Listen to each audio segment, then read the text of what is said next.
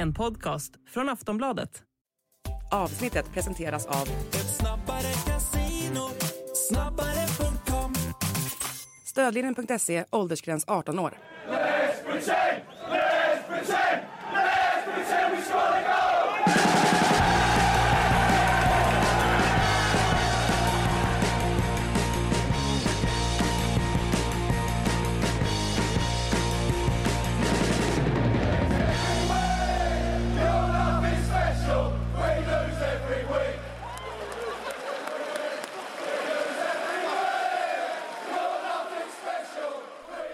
Sportbladets Premier League-podd eh, samlad. Vi har Premier League-fotboll igen då, en halv omgång att eh, diskutera plus lite annat. Eh, Makoto Asahara i studion och Frida Fagerlund med från London givetvis. Eh, Hallå, hallå. vi kan väl börja med att eh, skicka en tanke till den före detta engelska förbundskaptenen Sven-Göran Svennis Eriksson som eh, ja, under förra veckan då i en intervju med eh, Sveriges Radio berättade att han eh, lider av cancer, eh, att det är en cancer som inte går att operera och, och behandla och eh, det här har ju gett ganska stora eh, rubriker såklart runt om i hela världen. Han är ju, jag menar han är utan tvekan den största fotbollstränaren som, som vi någonsin haft i Sverige. Men eh, han har ju fortfarande en, en enorm status i, eh, i England, Frida. Ja, absolut. Um, han fick otroligt uh, stora rubriker. Han var till och med på The Times första sida, vilket ju är helt ofattbart, eller det säger ju väldigt mycket om vilken status han fortfarande har här. Och han var väldigt omtyckt. Visst, det var inte så att England vann en massa pokaler och det pratas ju om att man gick miste om den här gyllene generationen eller att man inte tog tillvara på den ordentligt. Men samtidigt så var Svennis och är en väldigt snäll och fin person och jag tror att det är många som kommer ihåg honom för just det. Och sen visst, han hade ju sina skandaler vid sidan om fotbollen, men han hanterade alltid de skandalerna på ett ganska roligt vis. Att han, han skrattade alltid och tyckte att det var lite märkligt att hans privatliv var så intressant. Så att, eh, nej, engelsmännen minns honom verkligen med värme. Han hade ju den där 5-1-segern mot Tyskland också och det, det är ju någonting som är svårt att ta ifrån honom. Och sen, sen jag tycker att det verkligen är slående till att börja med, otroligt tråkigt såklart och, och sorgligt att, eh, att det är så som det är för honom just nu. Men man, man märker på, inte bara i England utan också reaktionen i Italien, där han ju var otroligt framgångsrik med sitt Lazio bland annat, hur, hur stor sak det är och hur ändå liksom det är en hel fotbollsvärld som gemensamt eh, sörjer beskedet som, som har kommit från, från dem själva. Men det är ju bara de allra största som, eh, för jag menar han är också väldigt stor i Benfica Mm. Eh, Där man också uppmärksammat det här såklart Jag menar att, att vara en sån profil i länder som Portugal, Italien och eh, och England och så dessutom med de framgångarna han hade med IFK Göteborg under 80-talet i Sverige eh, Det är det är en helt eh, enorm karriär såklart. Avslöjade då i den här intervjun, eh, en intervju med BBC att han hela livet har varit Liverpool-supporter och att det hade varit, det var en av hans drömmar i livet som, som inte uppfylldes då att, att få träna Liverpool. Och sen dess har det ju blivit någon slags upprop på internet om eh, att eh, han ska då få, få bjudas in till den här Legends-matchen mot eh, Ajax som ska spelas någon gång nu i vår eh, och att han då ska få, få träna Liverpool i alla fall dyka upp på bänken där, det hade väl varit, varit en kul och fin gest kan man tycka. Ehm, så var det med det. Vi tar oss vidare till det som spelades i helgen då. och Vi börjar på Old Trafford tycker jag. Eh, Manchester United 2, Tottenham 2. Känslan efter första halvlek, eh, min, enda tanke, jag hade redan avsnittsnamnet eh, till det här avsnittet skrivet i huvudet. Eh, Dr. Tottenham tillbaks efter semestern. Eh, men de kom tillbaks och fick med sig en poäng eh, på Stukoglu efter att eh, Rasmus Höjlund och Marcus Rashford gjort varsitt mål. Det, det här var ju så, det här var ju så mycket Dr. To- Dr. Tottenham som det hade kunnat bli annars men eh, det är inte riktigt samma Tottenham längre Frida och eh, framförallt så är det väl kanske fortfarande samma vanliga Manchester United.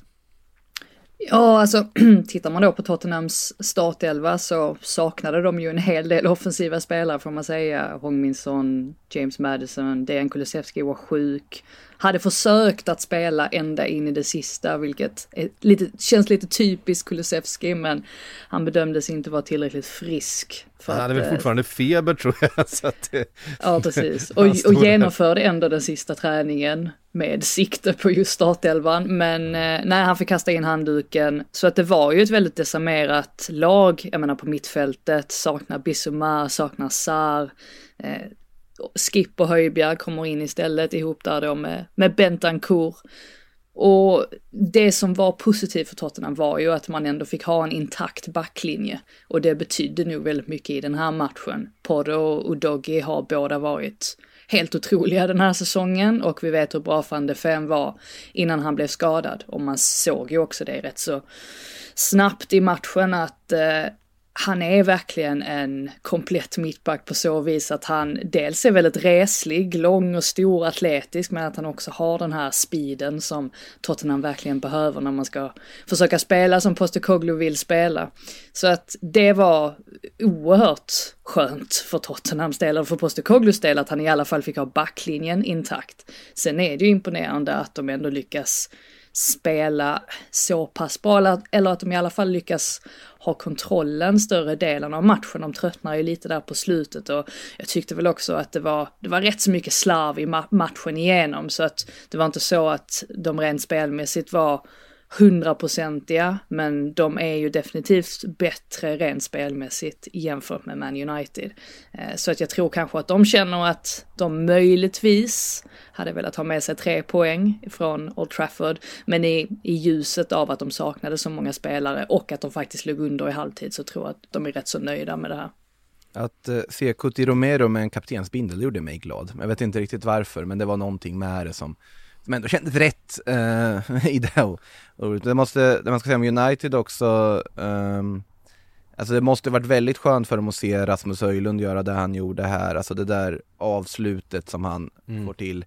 Det är ju en ung dansk med självförtroende här, som, som drar till det här skottet. Det är otroligt avslut faktiskt, att bara dundra upp den i första krysset som han gör och jag tycker att det är båda väldigt, väldigt gott inför fortsättningen. Såklart att Marcus Rashford vill skriva in sig i målprotokollet, också viktigt eh, för Uniteds del. Sen absolut, de har fortfarande spelmässiga bekymmer, det finns fortfarande problem att ta tag i den här klubben eh, på alla sätt och vis, men i slutändan så 2-2 i den här matchen är ju ändå liksom ett fullt godkänt resultat att få med sig det känner nog Tottenham också. Eh, Timo Werner rakt in i poängprotokollet också, även om han brände en del lägen och annat men eh, Ingenting har förändrats med honom. Han är ju fortfarande exakt den spelaren som lämnade Premier League. Det här med att, ja absolut, jag tror också att han kan vara nyttig för Tottenham och han har ju de egenskaperna som passar ändå för Postecoglou's del. Men sen samtidigt så fattar han alltid fel beslut i avslutningslägena. Jag förstår inte det. Jag förstår inte vad det är som hinner gå genom hans huvud. Eh, Det är inte ofta det blir rätt, tyvärr, men det kanske, det kanske blir bättre. Han har inte spelat så mycket, eller det var ett tag sedan han spelade senast.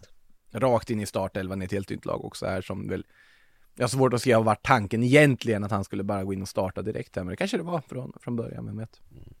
Ja, med i, i Sons frånvaro, Mm. eh, jag vet inte om de hade ställt upp på ett annat sätt, kanske med Kulusevski till höger och, och Richarlison i mitten, eh, Brennan Johnson, äh, vem vet. Men eh, tycker ändå han, han, han gör en, en, en godkänd match, eh, Timo Werner. Det är precis som, det är precis som du säger Frida, det, det här är Timo Werner. Det, det gick att känna igen honom eh, på, på alla sätt och vis.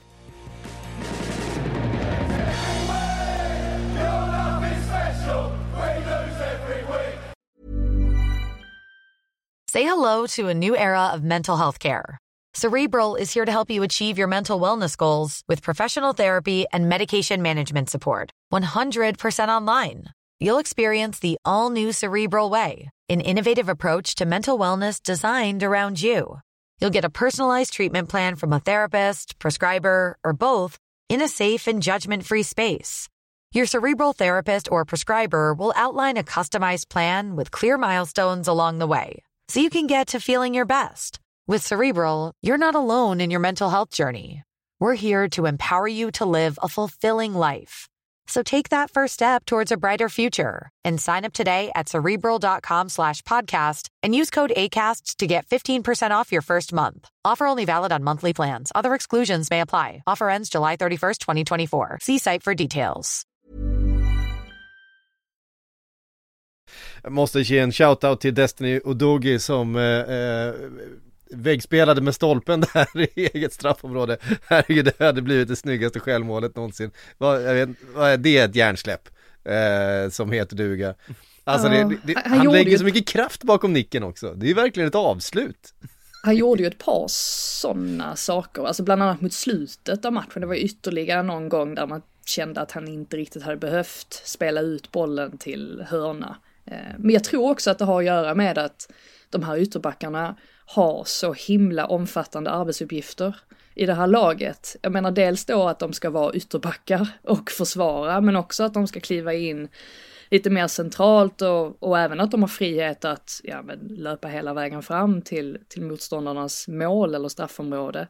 Så att jag tror på något sätt att de har dessutom spelat väldigt mycket, att det kan bli så att man tröttnar lite grann, att man, man tappar lite fokus emellanåt. Men eh, i övrigt så tycker jag att de ytterbackarna som par har det möjligtvis varit det bästa ytterbacksparet den här säsongen. Särskilt då med tanke på att Andy Robertson är skadad eh, och sådär. Jag tror nästan att de har varit det bästa. Jag satt och argumenterade för att Pedro Porro har varit kanske den bästa högerbacken i hela Premier League under inledningssäsongen. Det är ju inte något eh, kontroversiellt att göra och med tanke på konkurrensen med just vänsterbackar och alla skador som varit där ska man ju säga att Destiny Udogie har varit en av de bästa på sin position också. Han var väl och dansade lite på gränsen till att orsaka någon straff där i, i första halvlek också kändes det som i, i några situationer men han, han var ju precis på rätt sida av den så, så det, det gick ju ändå bra på så vis för honom. Jag tycker nästan att Alexander Arnold har varit snäppet bättre. Men Pedro Porro Ja, är inte ja men efter. räknas han som högerback? Ja men räknas Pedro Porro som högerback egentligen? Ja, det, det, att det är väl i och för sig in? sant också om man, om man ser det på det viset. Men, ja. Ja, kanske i och för sig, kanske mer än vad Alexander Arnold gör nu Vi får, tiden. snart, Men- vi får snart ge upp det här med att prata eh, positioner på spelare. För ja att, men eh, det är ju förlegat, alltså där det är det ju backar, verkligen. mittfältare, anfall, ett förlegat koncept och vi måste sluta liksom Det dela finns ju upp. faktiskt, det finns ju faktiskt en term, alltså halfback har man ju använt i hundra år höll jag på att säga, men för hundra år sedan när halfback faktiskt var någonting som förekom så, eh, så, så var ju det någonting som var, ja men som inte var konstigt alls, det är ju bara det att det har blivit en trend nu så att ja, vi får, vi får börja säga halfback kanske. Jag tycker alltså inte att vi ska gå till Svenska fotbollsförbundet, försvarare och sen mittfältare slash anfallare. Det är inte Den är- där jag den- propagerar för. Den får aldrig skrotas. Det ska, all, det ska alltid vara så när Svenska fotbollsförbundet eh, presenterar sina eh, eh, trupper. Tobias Linderoth ska vara på samma position som Henke Larsson. Ja, ja, absolut, absolut.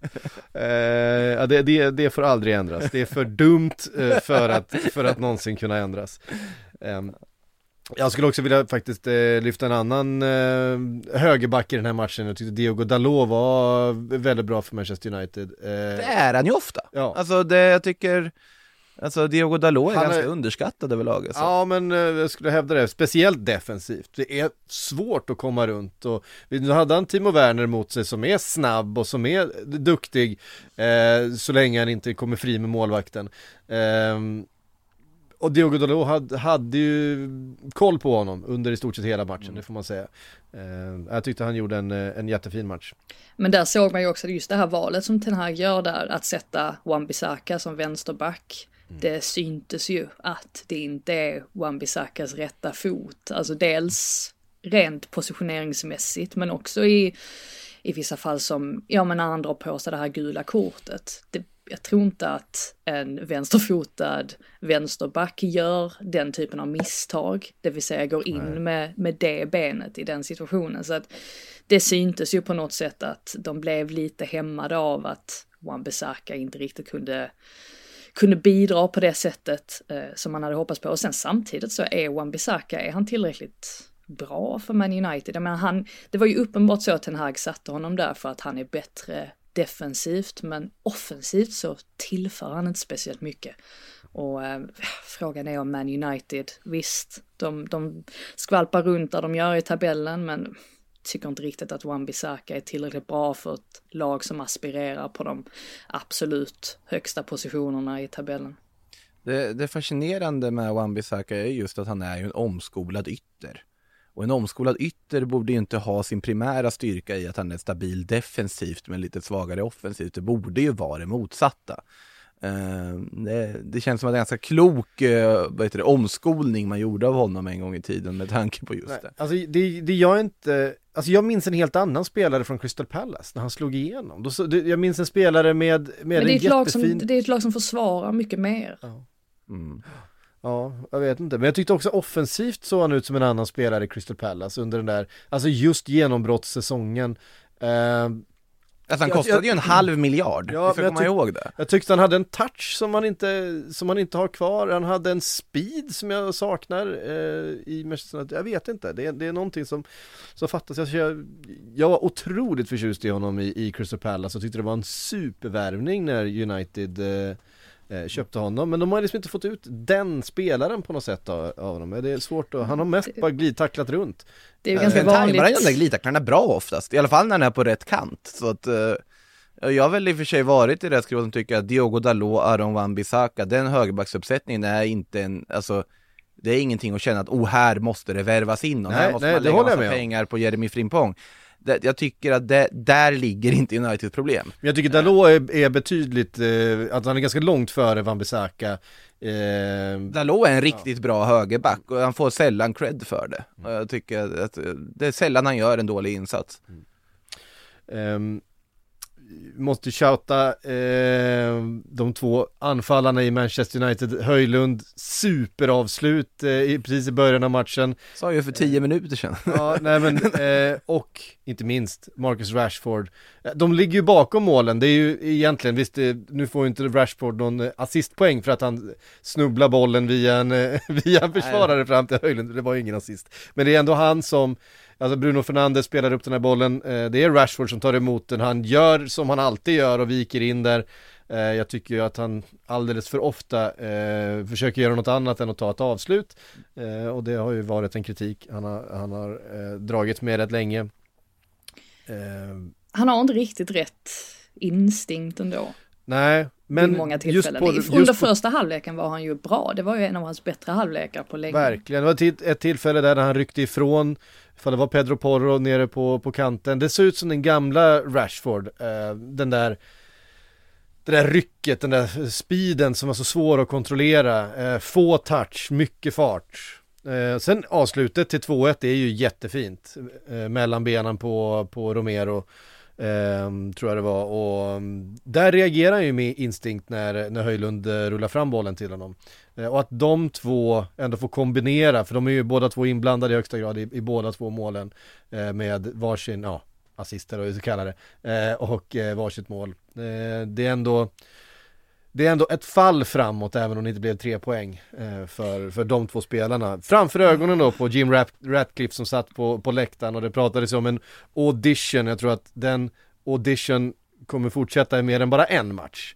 Ehm, Kommer fortsätta hela våren Ja, antagligen. det skulle inte precis. förvåna någon om det är så att Ratcliffe vill plocka in sin egen tränare. Ehm, ja men likt, likt eh, Todd Bowley och gänget gjorde i, i Chelsea. Ehm, men ja, det, det återstår ju att se. Det gäller väl för Man United att göra framsteg här. Någonting som är positivt för dem det är väl att, ja, Lisandro Martinez, nu är han tillbaka. Och eh, jag tror ändå att det blir, eh, det blir någonting annat, man får in en spelare som, alltså kanske bättre rent uppspelsmässigt och han har ju ändå en, en sorts aura som är väldigt, um, men väldigt beslutsam och väldigt stabil. Uh, sen tycker jag att Johnny Evans, han har ju inte varit usel på något sätt, men uh, jag tror definitivt att Martinez kan höja kvaliteten i försvarsspelet och inte minst då uppspelsmässigt. Nej, men alltså Johnny, det är en, är ett liksom uh bra scenario för United så ska ju inte Johnny Evans spela matcher på det här sättet han har gjort den här säsongen. Sen tycker jag att alltså, han, har, han har faktiskt överträffat det man kan vänta sig av honom. Någon spelare man varit bra. värva in på fri transfer för att han såg bra till försäsongen. Han var ju först värvad bara för att hänga med på försäsongen och bara att vara en glad prick och eh, sprida sitt lugn och rutin liksom till eh, de unga spelarna där. Och sen så var han så pass bra och Ten Hag var så pass imponerad av honom att de valde att, att signa den här säsongen. Tanken kan ju aldrig ha varit att han skulle gå in och starta på det sättet han har gjort, men han har gjort det. Absolut, det finns, eh, jag håller helt med Frida om att det blir ju bättre att få in Lisandro där istället, men Evans har gjort det bra sett till eh, de eh, förutsättningarna måste jag säga. Sen är det ju ett problem på fasta situationer det här med att de är så Där. himla sårbara. Jag menar, det är en fin nick från Richarlison men han ska ju inte få utrymme att göra det. Det är i alla fall någon som måste gå upp mot honom där och vi har sett det här rätt så många gånger. Eh, jag tycker att Kirby med nu, precis som alla andra, att han är han är ju Man Uniteds framtid där på mittfältet och han är i alla fall någon som, ja, man kan ta tag i bollen och, och göra någonting ordentligt av den. Men samtidigt så, han är inte speciellt bra på att försvara vid hörnor. Det såg man mot Aston Villa också, att han, det är ganska så lätt att övermanna honom. Eh, men sen är det klart, det är ganska lätt att övermanna de flesta i Man United på hörnor, så att det är ju definitivt någonting som de måste arbeta på. Ja, visst hade Romero en nick i ribban där också på en hörna under första halvlek eh, dessutom.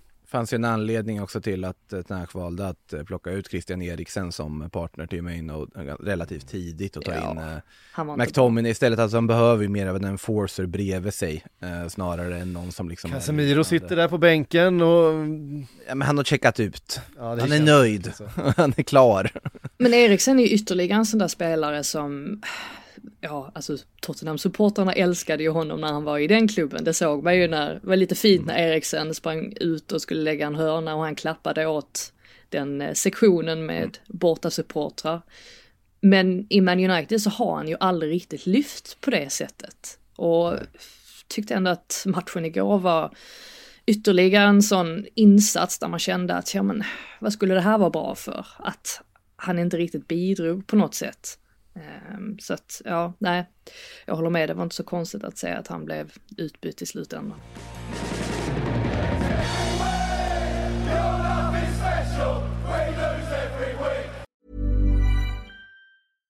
Flexibility is great. That's why there's yoga. Flexibility for your insurance coverage is great too. That's why there's United Healthcare Insurance Plans. Underwritten by Golden Rule Insurance Company, United Healthcare Insurance Plans offer flexible, budget friendly coverage for medical, vision, dental, and more. One of these plans may be right for you if you're, say, between jobs, coming off your parents' plan, turning a side hustle into a full hustle, or even missed open enrollment. Want more flexibility? Find out more about United Healthcare Insurance Plans at uh1.com. Vi tar oss vidare därifrån då till eh, mötet i Newcastle, Newcastle-Manchester City. En svängig historia. Eh, Manchester City var ju det, bäst, det bättre laget spelmässigt under eh, i stort sett hela matchen. Men Newcastle har en otrolig spets eh, och en viktig detalj i den spetsen är såklart Alexander Isak som under första halvlek i alla fall var helt briljant. Eh, aktionen vid, eh, vid första målet är, det är sån, det är sån världsklass i alla, alla momenten. Eh, hur han rör sig, hur han tar emot bollen, hur han eh, bara böjer bort den i bortre gaveln. Eh, det är ju eh, fantastiskt. Eh, och jag var på, jag var på ehm, en, en sportbar i Stockholm och såg den här matchen tillsammans med min, min son. Vi hade varit ute och varit på bio och skulle käka lite middag efteråt och så var den här matchen. Och, min åttaåring, han kom springande igenom lokalen. Isak! Eh, när målet gjordes och det, eh, jag vet inte jag, har inte, jag har inte tänkt så mycket på det men det här att, att ha en svensk som är en världsstjärna och gör sådana här saker i den här typen av stora matcher. Och Eh, snart en åttaårig son som är Newcastle-supporter. Ja det är väl, det är väl risken. eh, men eh, det är väl så saker funkar antar jag. Men det, det är ju det som är lite intressant nu att jag läste i The Times idag, eller vi hörde ju vad Newcastles vd sa förra veckan det här med att Newcastle kommer behöva sälja en av sina stjärnor. Och så som den artikeln i The Times var formulerad så verkar de flesta vara säkra på att det kommer bli Isak som lämnar. Och ja. jag vet inte, jag tycker att det är Dels har han ju varit bra för Newcastle, men framförallt så har han ju verkligen embraceat Newcastle och livet där. Han är ju så mycket Geordie som man kan bli som svensk redan. och eh, jag tror liksom bara att det är ett tapp som inte hade fallit supportrarna i smaken oavsett Nej. om det hade inneburit att man får in kapital för att kunna värva in andra spelare. Ehm, Jag, jag, jag Det handlar väl i början inte bara om kapital för att eh, värva in spelare, det handlar också om att få in kapital för att undvika Jo men det är det jag menar, balansera böckerna Ja. såklart. Men alltså det, det jag, alltså nu kanske det bara är logiken som talar här men jag tror det var Bruno Gimareis som känns som den som de skulle kunna sälja. Ja, jag, Alltså jag trodde också det. klubbar. Men sen så skrev The Times att eh, vi väntar på att Isak ska lämna. Nästa, eller att det, det kommer antagligen bli så att de formulerade sig på det sättet. Vilket jag tyckte var förvånande. Men det kan ju också vara att de fick lite för mycket feeling och svävade iväg. Ja, och vem köper honom är min direkta fråga då. Ja de Re- nämnde, Re- Real Madrid dammar av alla. sin gamla scoutingrapport från 2018 Nej, snarare, snarare i så fall om Mbappé- skulle gå till Real Madrid så nämndes han som eh, en eventuell PSG-ersättare. Men eh, Ah. Arsenal är ju också en sån klubb som har haft honom på radarn länge. Och, eh, Han skulle ju bli dyr hur som helst. Eh, Det var en, det var en, en insats, framförallt under som sagt första halvleken. Eh, Newcastle blev otroligt tillbakatryckta under andra halvleken. Eh, Men under den första halvleken som, som var en eh, forwardsinsats av den absolut högsta skolan och, och från den absolut högsta hyllan. Eh, Så var det ju. Sen så hände ju någonting under andra halvlek. Eh, Manchester City bytte in en viss Kevin De Bruyne. Vill jag ändå ge dig, visst hade du honom som kapten i fantasy? Jajamän. Det är också ett helt otroligt drag att du liksom går hem på det här och ändå får ett plus ett. Därför att, jag menar, det är Kevin De Bruyne. Man vet att precis den här typen av, av matcher, den här typen, jag trodde heller inte att han skulle starta. Jag, men jag tror att han får typ en halvlek. Och då kommer han in och, och gör typ två mål, alltså jag bara det, det, det, fick bara- det, feeling. det, det, Du så, fick det, är- feeling och det det är så han gör. Alltså han är så fruktansvärt jävla bra. Jag vet inte, jag vet inte, jag vet inte hur man ska kunna formulera det på fler sätt. Jag har så, suttit här i, i sex år tror jag och bara, bara hyllat Kevin Jag De har haft Bruyne. en, haft en diskussion med, med kompisar här i, under helgen. Är Kevin De Bruyne Premier Leagues bästa mittfältare genom tiderna? Alltså, ehm, nej, det skulle jag väl inte hävda. Ja, det är så svårt att jämföra liksom. det är eh, svårt att jämföra olika eror tycker Ja, jag. jag jag har inte sett tillräckligt mycket ja, heller. är Alltså känner, jag känner att jag är för ung för att kunna verkligen Ja. hugga fast någonting sånt. Alltså han har också spelat i det i särklass bästa laget som, som ligan någonsin har sett och det är ju såklart till stor del hans förtjänst.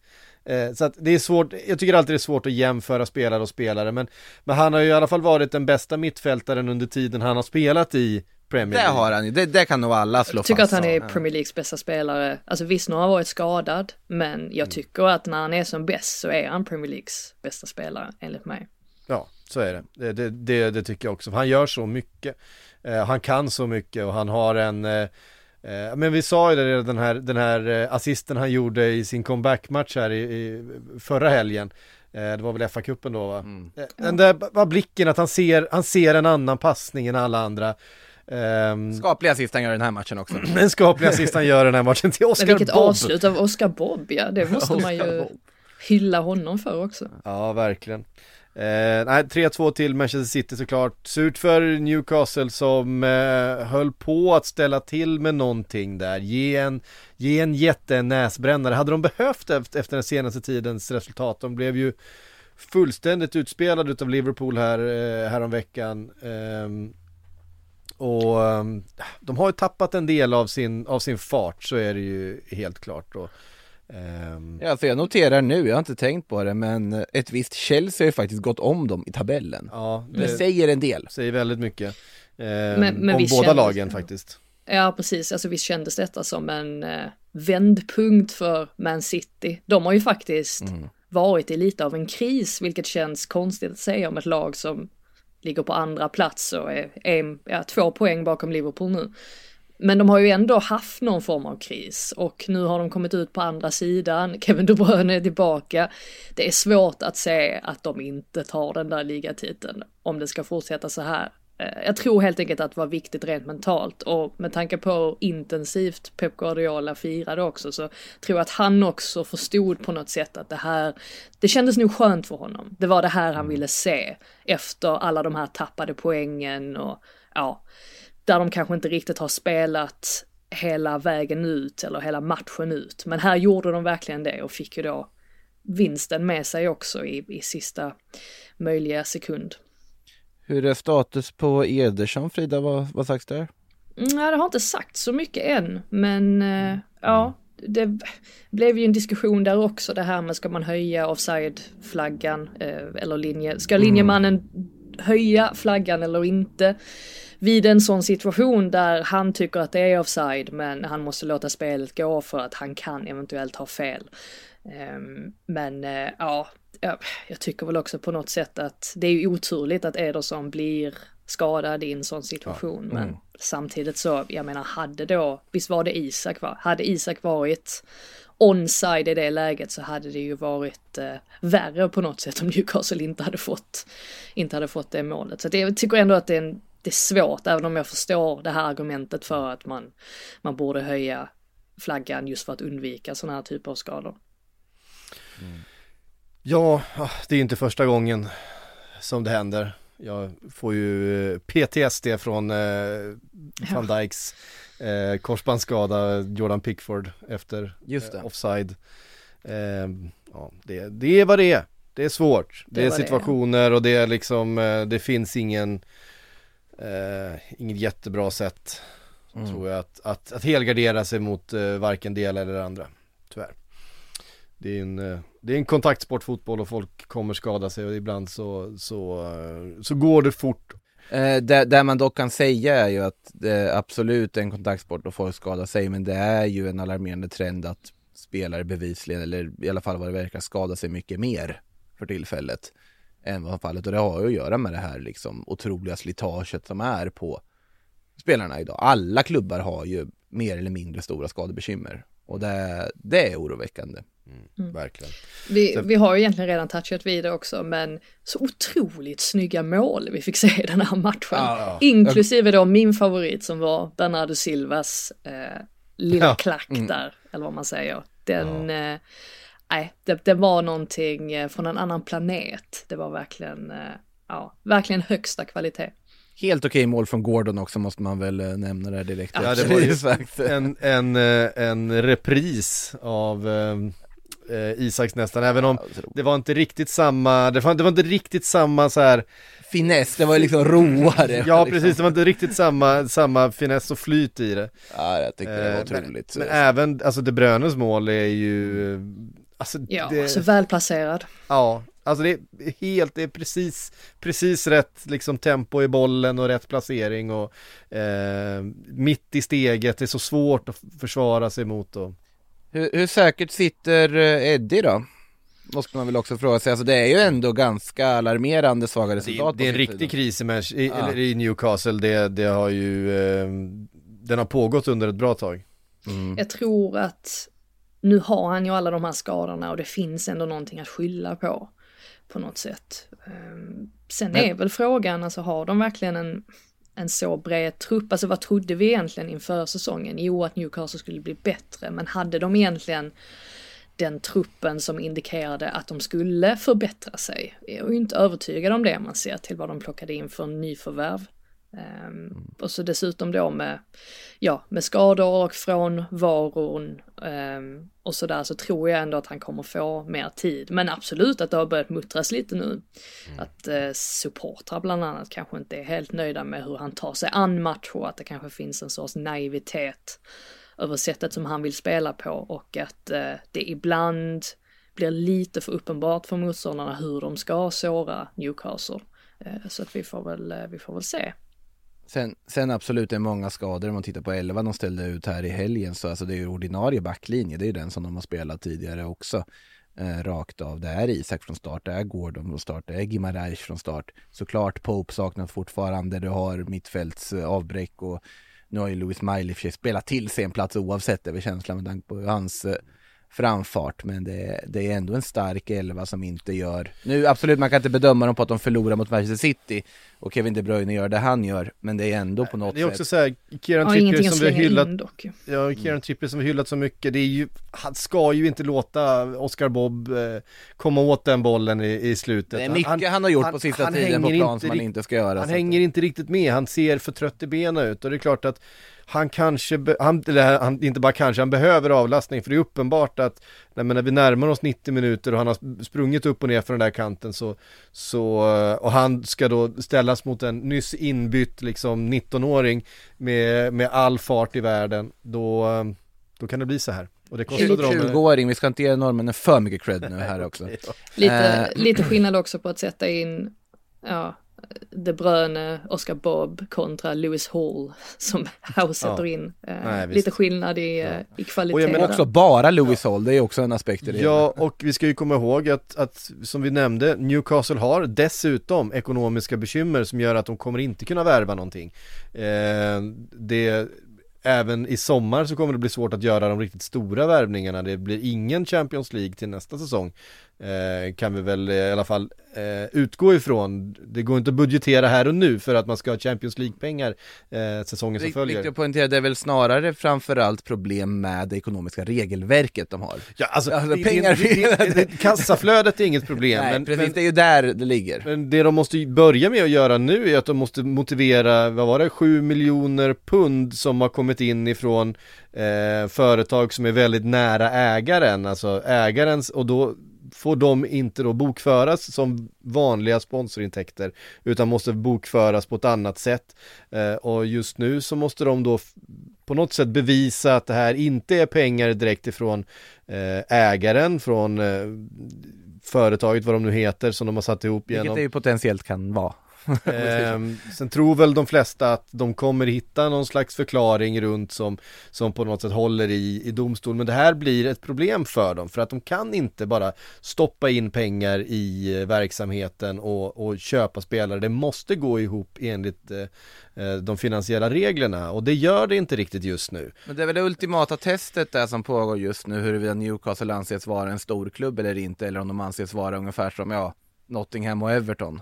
Och då är frågan hur långt tålamod har ägaren med att vara en klubb som inte blir Manchester City på två, tre, fyra år? Eh, för den resan är väldigt lång. Eh, så är det ju faktiskt. Och den kräver väldigt många, och det, man kan säga vad man vill om City och allting och de där 115 punkterna och allt. Men de skulle aldrig ha nått dit de har nått om det inte vore för att de också har prickat otroligt rätt på så otroligt mycket de har gjort och har så otroligt skickliga, kompetenta människor på rätt platser.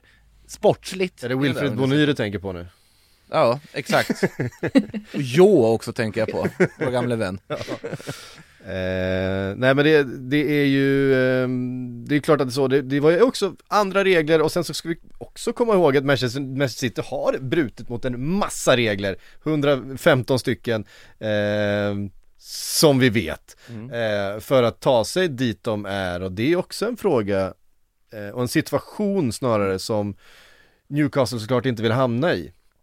Eh, Så att, nej det är, inte, det är inte så lätt att köpa ett lag och köpa sig till framgång med framförallt då FAs regler eh, här och nu. Uefa är är ju mer tillåtande eh, just när det gäller det här med eh, sponsorsamarbeten eh, med företag som har en relation till ägaren. Där är Uefa inte lika, lika hårda som FAs regler är. Ehm, Man kan väl säga så här, FAs regler går ju att säga vissa saker om att det är oroväckande att de bevisligen främjar att sälja dina egna talanger för att göra en, plats för eh, andra. Det är ju liksom en, en bieffekt som har kommit från de här reglerna som är ganska oroväckande. Eh, däremot så finns det också kanske positiva aspekter i det, typ det går inte att bara köpa sig framgång hur som helst eh, utifrån det här reglementet som ändå finns i dagsläget. Sen eh, tyvärr för Newcastle del då så är det inte så mycket pengar i Sean Longstaff.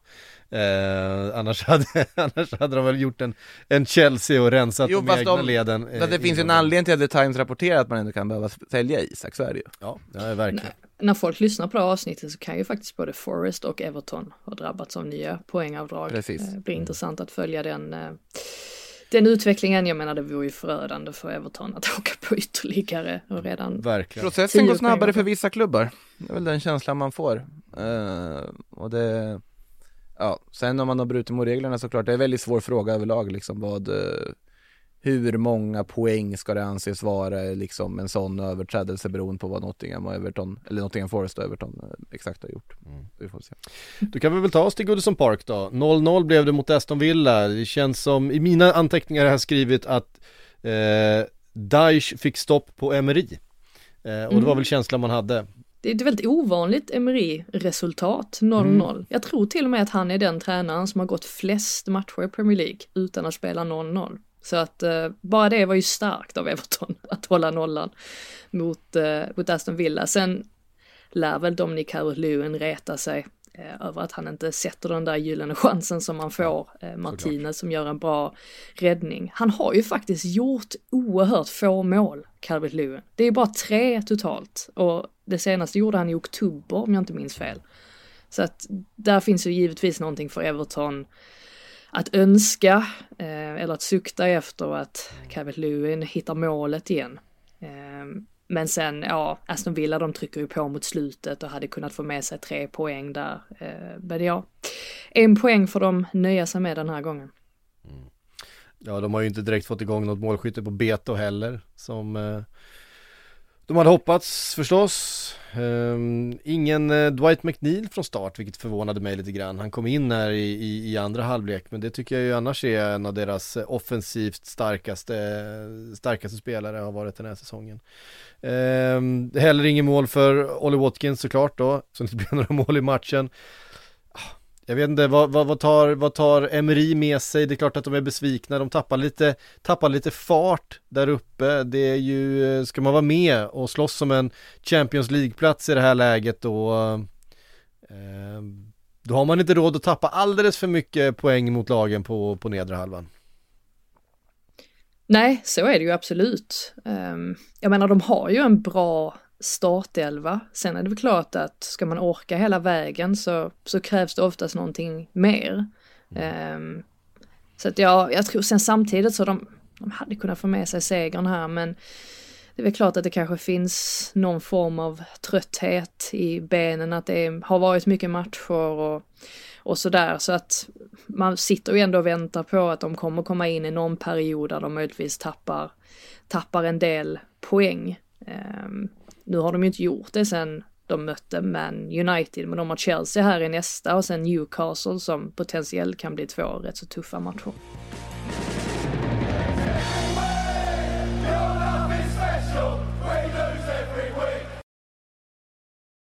Eh, vi kan väl ta oss vidare därifrån då och ta oss till eh, Stamford Bridge där eh, Chelsea tog viktiga tre poäng mot Fulham och Eh, formen börjar väl eh, skymta lite, är det någon slags ljus i tunneln? Vad ska vi, eh, vad ska vi kalla det här, eh, Frida? Ja, så det här var ju återigen en sån där match som Chelsea hade kunnat vinna med 3-0, men de gör inte det. Och då blir det nervigt mot slutet. Vi har sett det här många gånger förr. Um, vi har också sett rätt så många gånger för den här säsongen att det är Cole Palmer som kliver fram Verkligen. och är kylig när det krävs. Han startade ju ute till höger och var inte så jätteinvolverad inledningsvis, men han, han hittade ett sätt in i matchen och sen spelade han ju falsk nia där mot slutet efter att Brocha hade gått av. Eh, honom har jag helt, nu har jag helt tappat hoppet om honom. Tror inte, det blir inte mycket mer av honom där, eh, vågar man nog hugga fast nu. Eh, jag tyckte Gallagher var, var bra, jag tyckte Fernandes eh, var väldigt bra. Det var bara där mot slutet där han halkade till lite. Eh, sen är det ju skönt för Chelseas del att de ändå lyckas hålla tätt där hela vägen in och där tycker jag ju att det är Thiago Silva som är den som på något sätt håller ihop det när det behövs som mest. Ehm, sen kan man väl också tillägga jag menar det högsta jublet den eftermiddagen var när William kom in, eller kom in, han, han startade, men när, när William, ja, där han eh, gav sig till känna så att säga för publiken på Stamford Bridge så var det han som fick det högsta jublet.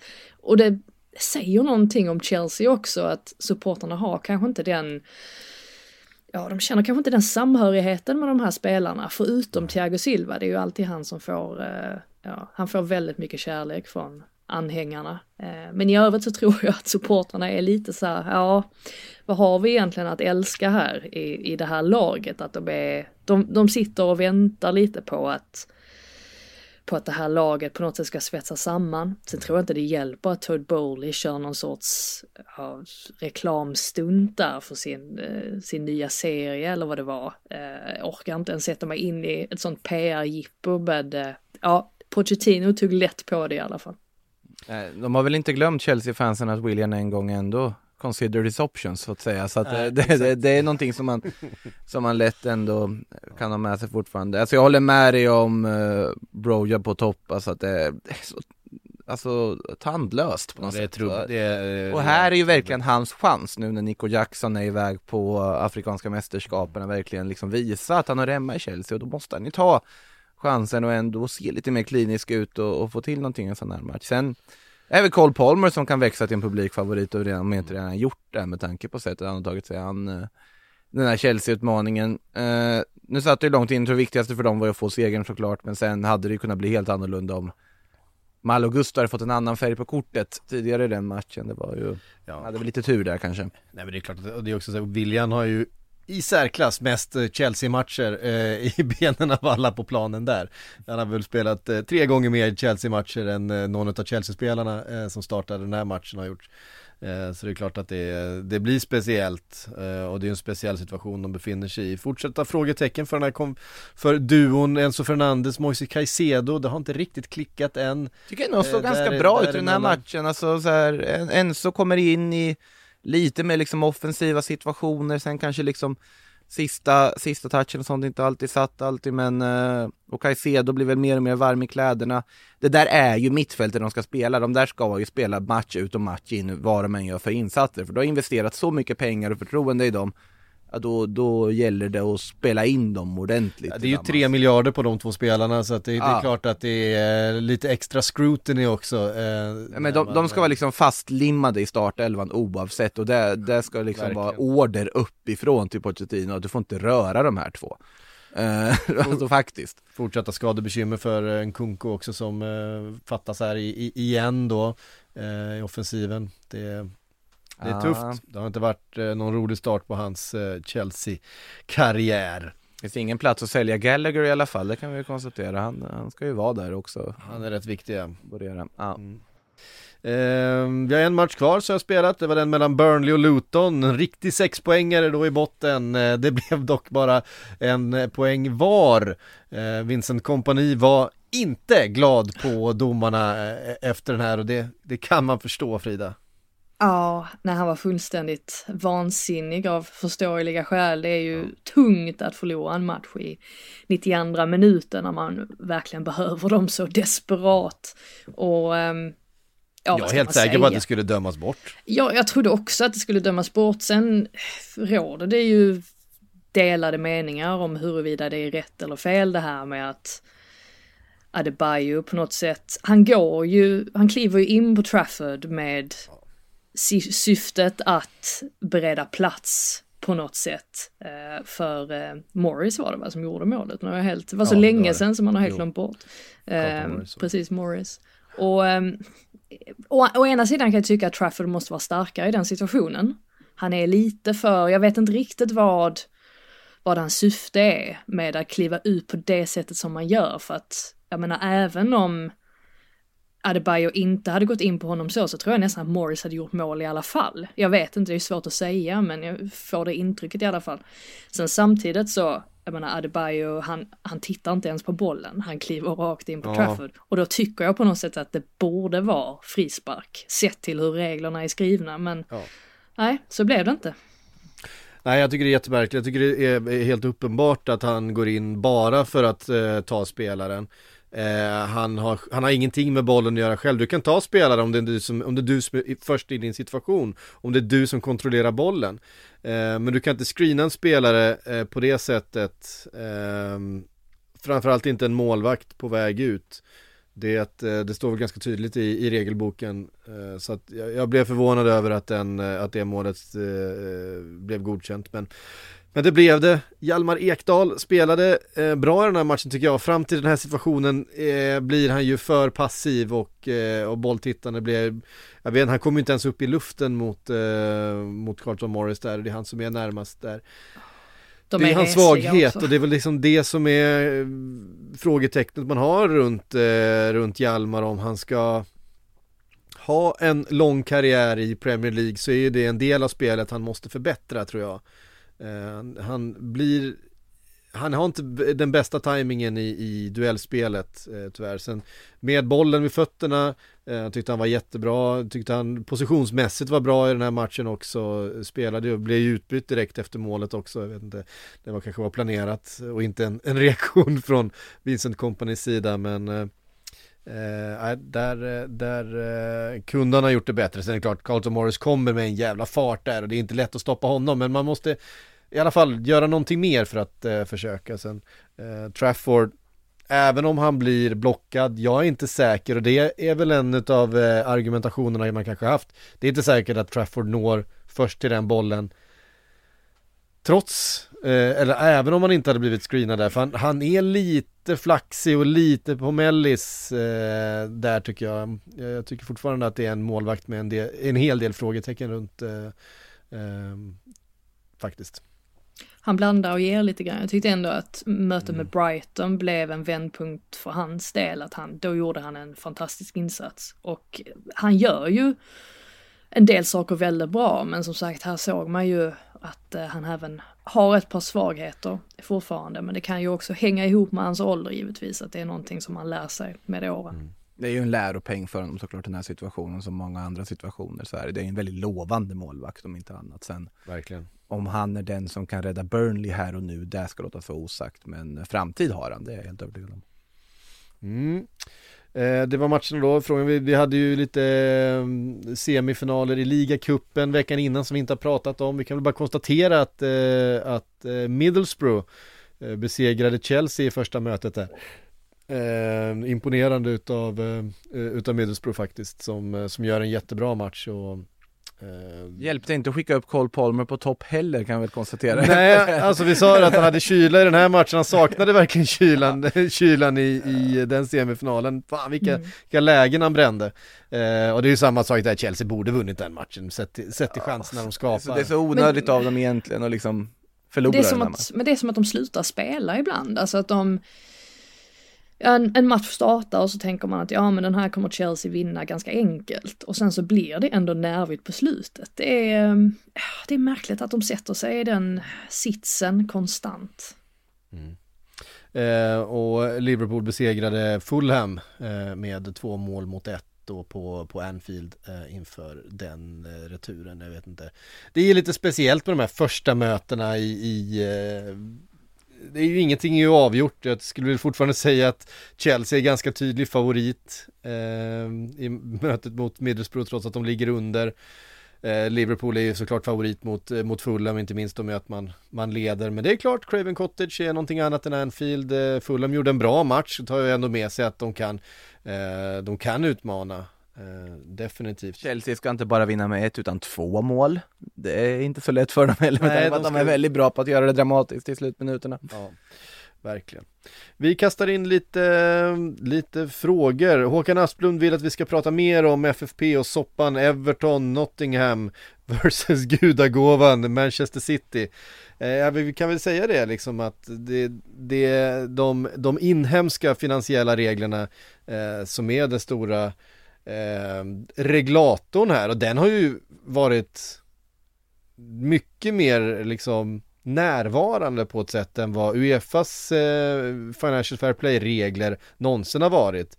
Här får ju klubbarna verkligen anstränga sig. Nu börjar det ju likna lite mer så som de italienska och spanska klubbarna har behövt förhålla sig till inhemska regler. Ehm, Det spanska lönetaket är inget att ta efter, det, det, det kan jag meddela. Nej, det, har, ju påverkat de, de, de spanska lagen väldigt mycket.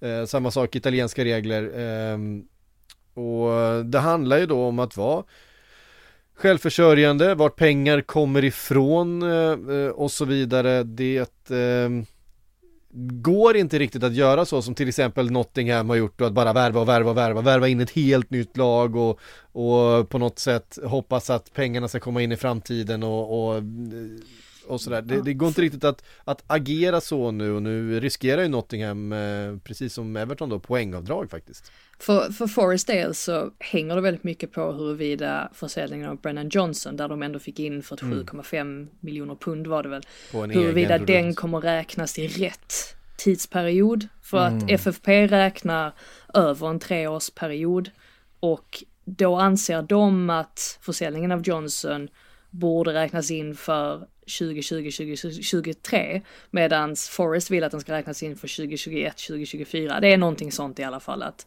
ja, att eh, de helt enkelt hoppas på att det är den försäljningen som kommer göra att de inte drabbas av de här poängavdragen. Eh, Men det är, det är ganska komplext, även om det tycks enkelt att de får inte göra en högre förlust än 105 miljoner pund är det väl, över tre år. Men eh, uppenbarligen så är det rätt så svårt för klubbarna att hålla sig inom det.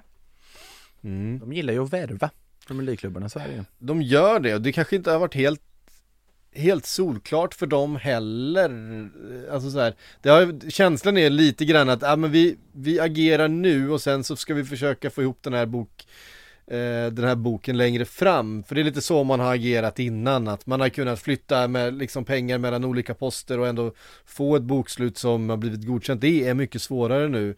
Eh, Som sagt i, i Newcastle-fallet där eh, man plötsligt då kanske inte kan skriva med motsvarande 70 miljoner kronor eller 75 eller vad det blir eh, för att de sponsorintäkterna misstänks komma från företag nära ägaren. Och det blir ett jävla problem plötsligt för att då ligger man det minus så måste man hitta de pengarna någon annanstans. Och har man då en spelare man har köpt för dyra pengar Ja men då ligger den avbetalningen kvar även om du säljer honom. Det blir inte ett plus på kontot, du måste Eh, du måste sälja en spelare som du ligger noll på och då är det egentligen bara eh, liksom talanger. Isak är inte avskriven även om man kanske kan göra en vinst på honom då, det är väl det man hoppas. Eh, plus att han har varit där ett tag nu, kanske har han ett och ett halvt år kvar på kontraktet? Två. Jag vet inte hur långt kontrakt han skrev. Men det blir väldigt svårt för dem att sälja en Tonali nu till exempel. Ja, nu blir det ju svårt att sälja honom. Eh, det Ja men även om hans, hans avstängning är på väg eh, Mm. att eh, ta slut och han skulle vara värd mycket pengar men de skulle ju fortfarande gå minus på affären. Så det hade ju varit negativt för, för bokföringen att sälja honom nu. Ehm, Ja, det, det är krångligt det där. Mm. Eh, eftersom du räknar då vissa saker framåt och andra saker här och nu och så vidare. Ja. Eh, ja, det är svårt det där och, och Forrest ehm, som sagt är indragna. Everton har inte löst sina problem redan, drabbas av 10 poäng som vi vet. Eh, skulle de åka på fler poäng då, då vet jag inte ifall de orkar alltså. Eh, eh det beror ju på hur många såklart, men det har svårt att se det. Men jag vet att inför säsongen sa man att bara om de drabbas av ett poängavdrag överhuvudtaget så är det ridå. Sen så har de överträffat i alla fall mina förväntningar eh, på, med råge. Eh, sättet de har tagit sig en match, hur Sean Dyche har liksom ingjutit tro i den här truppen och att de tar poäng och gör bra insatser. Eh, jag menar det är inte så att de ligger långt från nedflyttningsstrecket nu trots, trots Nej. att de har spelat bra. De Men ligger det- där men det 17:e räknar- platsen, en poäng Lägg till de där 10 poängen som har gjort en kanonsäsong sett till vad de faktiskt har för material att jobba med. Eh, så är det ju, men om de skulle få ett till så är det ju eh, tack och godnatt, höll jag på att säga. Ja det är det faktiskt. Eh, vi tar en eh, fråga ifrån eh, Vilgot Blackås. Eh, han skriver, väljer man helst Enketia eller Timo Werner om man skulle fått ett friläge i 90, 90 minuten? Enketia. Darwin Nunez säger jag. Nico Jackson ja, precis. eh, hade jag valt. Nej men eh, det beror på helt på matchdignitet och, och läge skulle jag säga. Sen så här, jag tror nog ändå att jag valt eh, Turbo Timo. Trots allt skulle jag väl säga. Men Före Enketia. Jag tror nog ändå jag hade gjort det. Jag, han, han gjorde ganska många mål i Bundesliga den mannen, det ska vi ändå komma ihåg. Uh, Enketia har inte hunnit visa riktigt lika mycket under sin karriär än. Vi eh, tar en eh, um, Thomas Nygren eh, skriver Vi hade nyss en helg med FA-cup utan VAR Vi slapp helt domardiskussioner Det tog en match i Premier League med VAR innan Company satt och var upprörd över VAR Vilka slutsatser kan man dra av det? Aningen ledande fråga kanske eh, Ja, det Fast är han, det han hade varit upprörd på domaren väl? Om, Ja. eh, Jo, ändå. men det, det, det hade någonting att titta på de här matcherna utan VAR. Man visste att domarna blåst mål, ingen flagga uppe, då är det mål. Mm. Det var bara att gå vidare. Så var det med det. Sen absolut när saker och ting funkar. Eh, Jag är absolut en VAR-motståndare i grunden och det vet alla som har lyssnat på de här poddarna. Men eh, såklart att det inte bara är så lätt som att bara avskaffa det nu. Nu har vi hamnat i ett läge där jag tror att det, det blir väldigt svårt att bara gå tillbaka till ruta ett och börja om igen och bara skrota allting. Tyvärr. Lägg ner, lägg ner, ta bort VAR och så lägg ner alla de här repriserna där, där eh, tv-produktionen ska försöka lista ut vad det var som hänt egentligen. Eh, ta bort slow motion ur fotboll. Fotboll spelas inte i slow motion. Fotboll spelas i realtid. Man kan ha ett, man kan ha slow motion klipp någon gång efter matchen, vi kan klippa ihop snygga highlights utav ett eh, mål och en dribbling och så vidare. I matchsituationen, eh, eh i ma- bildproduktionen, lägg ner, eh, lägg ner det där med, med slow motion, lägg ner eh, de här detaljgranskningarna i tv, då kommer vi komma bort från det. Ingen kommer sitta och ifrågasätta en, en eh, eller det är klart, alla kommer, det kommer alltid ifrågasättas. men- folk, folk kommer ju göra sina egna slow motion varianter då och lägga ut såklart, men då får det väl vara så. Men då får det väl vara så ja. Ja. Det, det jag håller med dig att liksom sluta visa repriser på vissa situationer. För att, Underlättar det ganska mycket saker. för att Jag tycker, få- var, ja. jag tycker VARs makt borde begränsas, helt klart. Alltså, det som är bra med VAR är ju när det sker saker i straffområdet, generellt sett. Jag menar, det är inte, det är inte alla gånger VAR får det rätt ändå, men det är ju irriterande när ett lag får en straff som absolut inte är straff. Vid sådana situ- situationer är det ju ändå positivt att man kan gå tillbaka och, och kika igen. Men jag tycker absolut inte, precis som du är inne på där, att man ska man ska inte gå tillbaka och kika på alldeles för många grejer, och särskilt inte då i slow motion. Jag menar det där situationen med Malo Gusto. Ja, det var inte jättelänge sedan som Dominic Calvert-Lewin var i en ungefär liknande situation och han fick rött kort och Malo Gusto fick inte det. Ja, det säger ju sig självt att det, Det, är ju det. Det, blir, det blir ju godtyckligt alltihopa och det är det här som folk säger, ja det blir mer, mer korrekta domslut. Så här, jo men det är fortfarande domslut. Och då är det väl bättre att istället för att det ska bli en diskussion, jag tror att folk blir ju ännu mer arga när de vet att det finns tekniskt hjälpmedel och ändå så blir vi förfördelade i den här situationen. Såklart att det påverkar också. Eh, Att det finns ju ett liksom tekniskt hjälpmedel för att det ska bli korrekt och allting. Men det hjälper inte för det blir ändå inte korrekt i väldigt många situationer. Och då, då lika bra att liksom gå till, gå till gräsroten då egentligen, även om jag tror tyvärr att det, det tåget har gått för det. Ja, och, och då blir det också så att folk sitter och jämför situationer mellan olika matcher. Det blir också helt eh, galet. Vi har, fick en fråga här från Sigsak.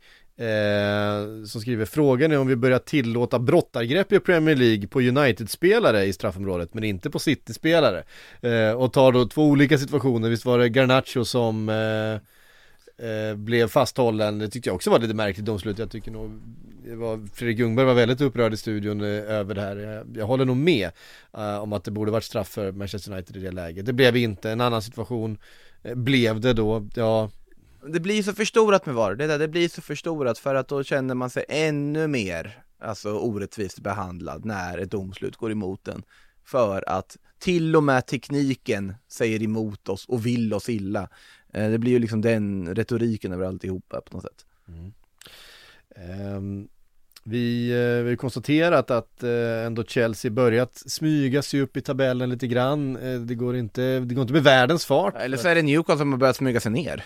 så kan det ju också det, det har de ju definitivt Ja. gjort. Vi fick, jag fick en fråga på Facebook här utav Dennis Karlsson.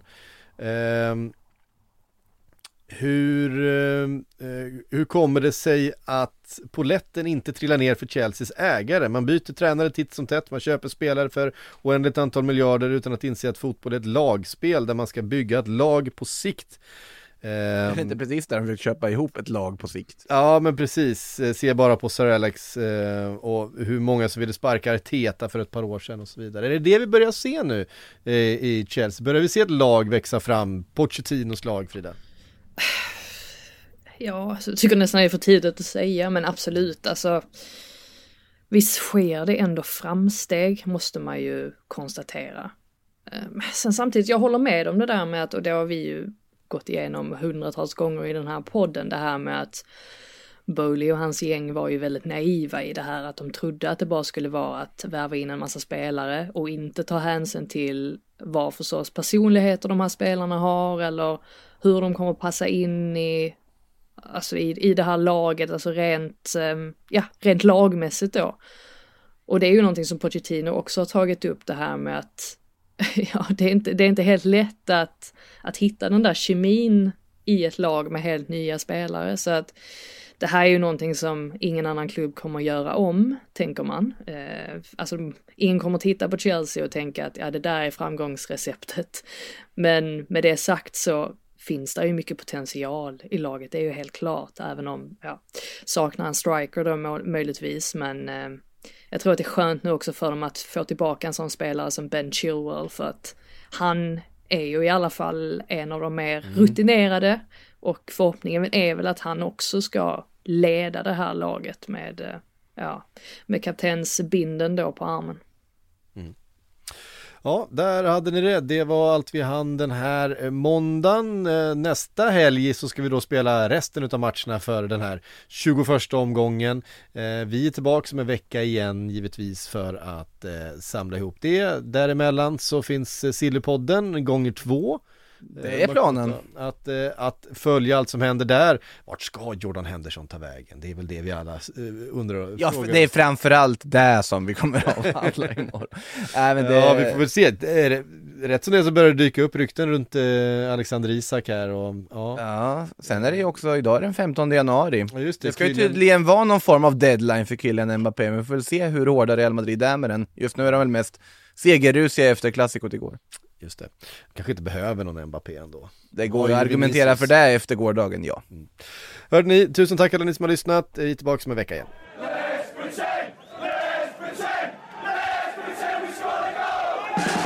Du har lyssnat på en podcast från Aftonbladet. Ansvarig utgivare är Lena K Samuelsson.